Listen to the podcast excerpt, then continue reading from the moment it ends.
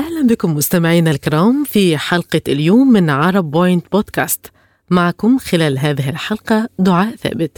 تابعونا على فيسبوك ويوتيوب وبودكاست وتويتر. أهلا بكم مستمعينا الكرام أينما كنتم. حلقتنا هنخصصها للتعليم وتأثير التكنولوجيا.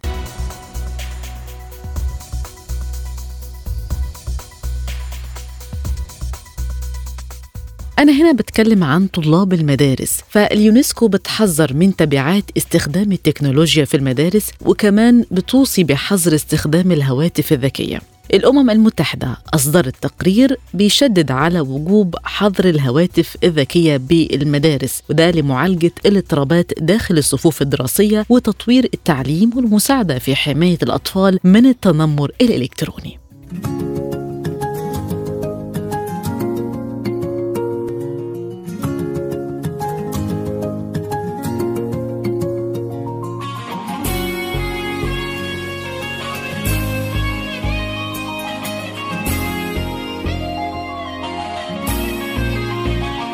أشرق بسمة بعين الظلمة واضحك وارسم أحلامك وتكون الدنيا حلوة.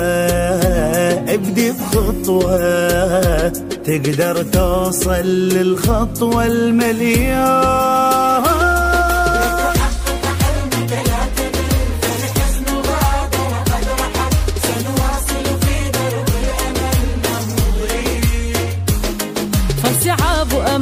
تنحني وسرح نجاحك ينبني لا يهم فقيرا أو غني بل كن صنيع المجد لغد رسائل نكتب إن الأمل نحن له. فوق الغيوم سنشرق شمسا لكل غاب لتحقق حلمك لا تمل فالحزن غادر قد رحل سنواصل في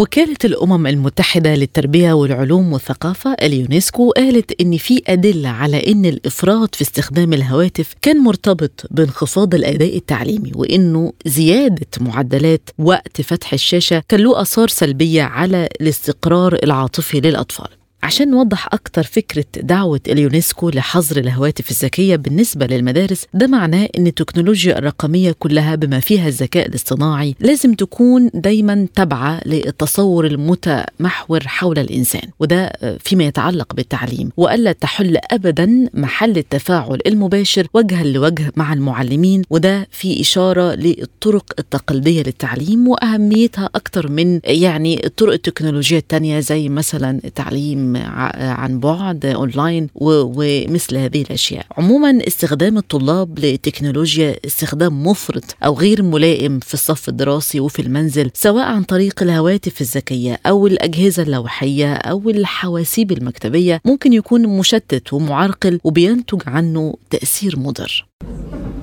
تعرف إيه عن المنطق؟ أيوه. يلا. اتفضل يزيد فضلك اتفضلي أنت. تعرف إيه عن المنطق يا مرسي؟ أيوه يا قبليتي تعرف إيه عن المنطق؟ أيوه اهو اتكلم. اتكلم إزاي؟ تعرف إيه عن المنطق؟ فين السؤال؟ فين السؤال؟ أنا أحط إيدي على السؤال تلاقيني فريره فين السؤال؟ هو ده. اللي هو. تعرف إيه عن المنطق؟ أعرف. اتفضل. الله يخليك. أعرف إن لما واحد يضرب واحد على دماغه يقع ما يحطش منطق. مش هو ده المنطق هو المنطق ولا مش هو؟ يا متعلمة بتاعت المدارس. هو ولا مش هو؟ هو ولا مش هو؟ هو. هو بعينه. أنا عارف كل حاجة بس مدكن. هو ده هو ده المنطق؟ أمال. هو ده؟ أمال. الله. انت بتذاكر من ورانا ولا إيه؟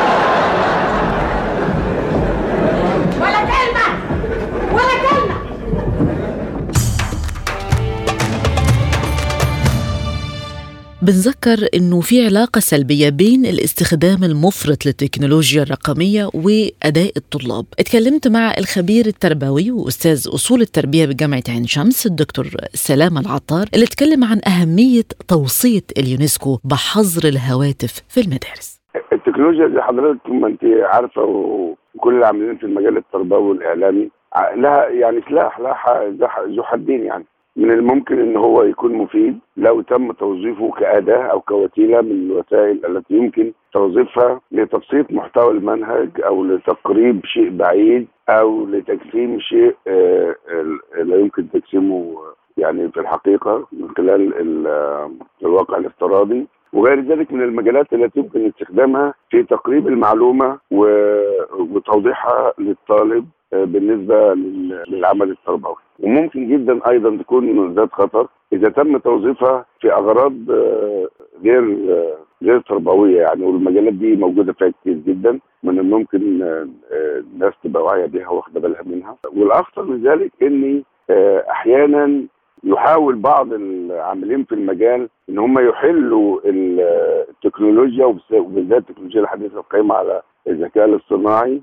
مكان المعلم مكان الإنسان أو يستخدموا أنماط من التعلم أو من التعليم اللي هو التعليم من بعد أو التعليم المفتوح أو التعليم خلال الآلة اللي هو اي ليرنينج أو غير ذلك. آه، باعتباره بديل للتعليم النظامي وده له مخاطر لا حدود له لأن أساس التعليم والتعلم هي المباشرة هي المواجهة هي ال ال ال الحوار المستمر بين المعلم والمتعلم البعد الاجتماعي والبعد الإنساني. يعني البعد الاجتماعي يمكن المطلوب الم- الموصوف به اللي هو أهمية العمل داخل جماعة.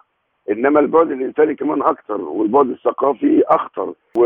وبالذات إن إحنا في عصر دلوقتي أصبحت الهيمنة الثقافية لبعض الثقافات من خلال التداعيات السلبية للعولمة على الثقافات على كثير من الثقافات الأخرى تكاد تحاول أن تمحو آه، هويتها يعني. وده خطير جدا بالنسبة لاستخدام التكنولوجيا. فلو تم توظيف التكنولوجيا بصورة عقلانية واضحة ومحددة كاداه وليست كهدف في حد ذاته بيبقى في الحالة دي ممكن استخدامها اما وبعدين الخطورة بقى في في, إن التكنولوجيا تباح للطلبة أثناء عملية الامتحان.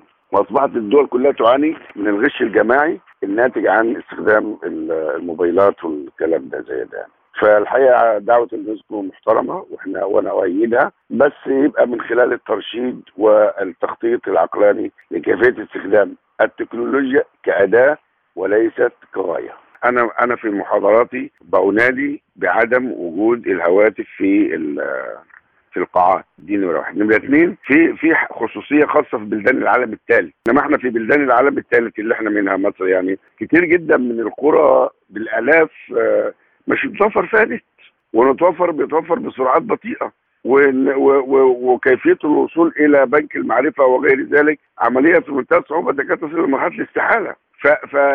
فإن إحنا نعتمد اعتماد ودي ظهرت في أيام جائحة كورونا. إن كان في مشكلات لا حدود لها بالنسبة لاستخدام ال- التكنولوجيا في هذا الموضوع.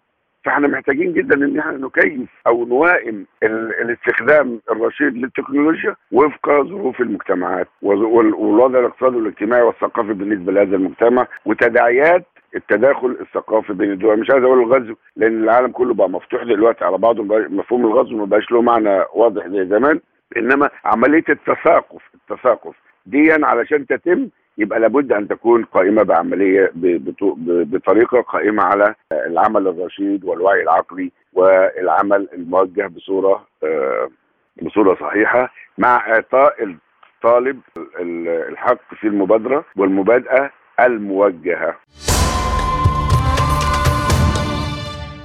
أكيد طبعا إحنا متفهمين لفكرة إنه في تبعات سلبية لاستخدام الأطفال عامة للتكنولوجيا واستخدامها بشكل مفرط. عشان كده لازم فكرة تقنينها ووضع حدود وضوابط ليها لأن جلوس الطفل أو الطالب لمدة طويلة أمام الشاشات شاشات الهواتف أو غيرها أو الأجهزة اللوحية هينتج عنه ضعف تركيز اكتئاب ده بالإضافة لتأثر النظر والسمع وغيرها من الحواس. وكمان اعتماد الطفل على التكنولوجيا عشان يعمل على سبيل المثال واجباته المدرسية ده بيضعف من النمو الطبيعي للمهارات الذهنية عند الطفل. السهولة اللي بيصل بيها الطفل للمعلومة بتخليه طفل اتكالي مش قادر إنه يقوم بالبحث أو الدراسة بمفرده. ممكن كمان ما يقدرش إنه يعمل بالأساس واجباته المدرسية بسبب الرغبة الملحة عنده في مشاهدة الفيديوهات واللعب على الأجهزة اللوحية اللي إحنا بنديها له على أساس إنه يذاكر يعني. إحنا بنتكلم عن تأثيرات سلبية على عملية التعليم لكن في تأثيرات خطيرة جدا على حياة الطالب أو الطفل الاجتماعية. طبعا أكيد التكنولوجيا سهلت لنا حاجات كتير في حياتنا وعلى قد ما هي مفيدة لأي درجة اضرت بالعملية التعليمية. خلونا نسمع رأي نقيب المعلمين العراقيين الأستاذ عباس كاظم. هذا طبعا أكيد. هو التكنولوجيا ليس كل التكنولوجيا وإنما خاصة إذا نتكلم على جهاز النقال أو جهاز الموبايل. طبيعة ال- الشعوب العربية باعتبارنا نحن العرب استخدامها هذا الاستخدام آه، بالشكل الخاطئ أثر تأثير سلبيا على آه، العادات والتقاليد للدول العربية بصراحة. وبالتالي أخذ أو يستخدم هذه الأجهزة بطريقة آه، أنه آه، تجعله بعيد كل البعد عن المذاكرة ومتابعة الدروس آه، والمناهج التي تقدم من خلال المعلمين والمدرسين. آه، هذا أكيد آه، ملاحظة آه، قيمة آه، وتحذير هام لأنه اليوم كل الوقت أغلب وقت التلميذ الطالب هو موفرة لاستخدام الأجهزة أجهزة الموبايل من خلال البرامج التي تكون سواء على السوشيال ميديا أو عن طريق النت.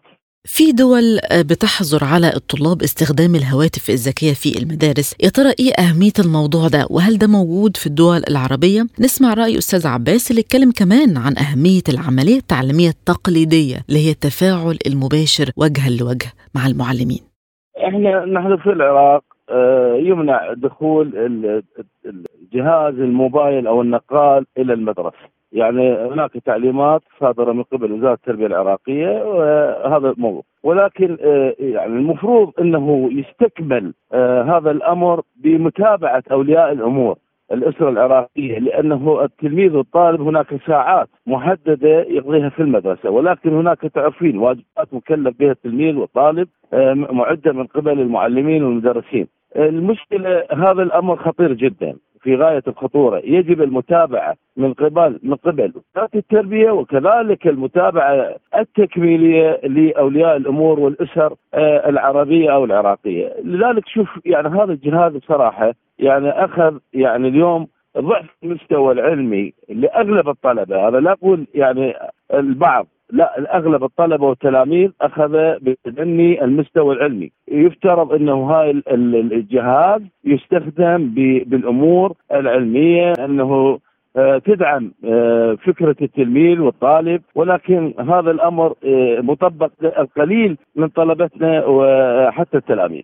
يعني سيدتي الكريمة إحنا تعرفين المدارس ضمن- والعربية هناك مناهج مناهج معدة من قبل الوزارات في مناهج آه، كملها بعض ال- ال- الم- المختبرات خلينا نقول هناك مختبرات لغوية ومختبرات علمية.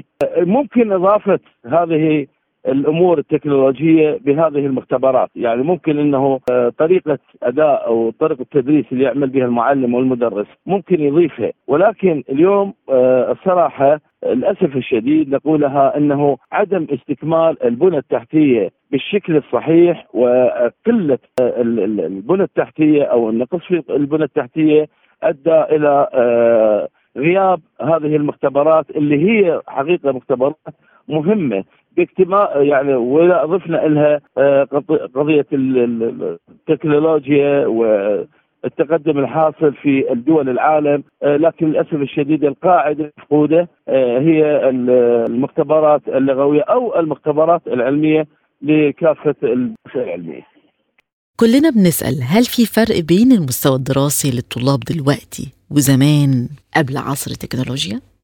أكيد مستوى الطالب فازع عن آه، السنوات السابقة أو لأنه هناك وحدة قياس تقيس الطالب العراقي أو الطالب العربي من خلال آه، مخرجات العملية التربوية ومدخلات العملية التعليمية. هناك فرق كبير جدا وهذا الفرق واضح وملموس لأنه اليوم على مستوى البلد على مستوى العراق هناك آه، رموز آه، الست زها حديد مثلا وبعض الأطباء اللي لحد هذه اللحظة يمارسون اختصاصاتهم في المملكة المتحدة وباقي الدول وهناك مهندسين أشرفوا على بناء دول خاصة الدول العربية كقطر والإمارات والكويت وغيرها. أكيد هذه ملاحظة مهمة جدا. المستوى فرق كبير جدا آه، بين اليوم وبين الماضي بصراحة. منظمة اليونسكو قالت إنه استنادا لتحليل 200 نظام تعليمي حول العالم بإنه بلد من ست بلدان حظرت الهواتف في المدارس سواء خلال قانون أو تعليمات إرشادية وكان من الدول دي فرنسا اللي طبقت سياستها من عام 2018 حقيقة إنه التكنولوجيا انتشرت بشكل كبير وبتقتحم حياتنا بشكل صعب بس لازم نحاول نحمي أولادنا من تأثيراتها السلبية على قدر المستطاع. خلصت حلقة اليوم من عرب باينت بودكاست. بشكر ضيوف الحلقة الخبير التربوي وأستاذ أصول التربية بجامعة عين شمس الدكتور سلامة العطار وبشكر كمان نقيب المعلمين العراقيين الأستاذ عباس كاظم. شكر موصول لكم مستمعينا الكرام. كنت معكم خلال هذه الحلقة. أنا دعاء ثابت. تابعونا على فيسبوك ويوتيوب وبودكاست وتويتر.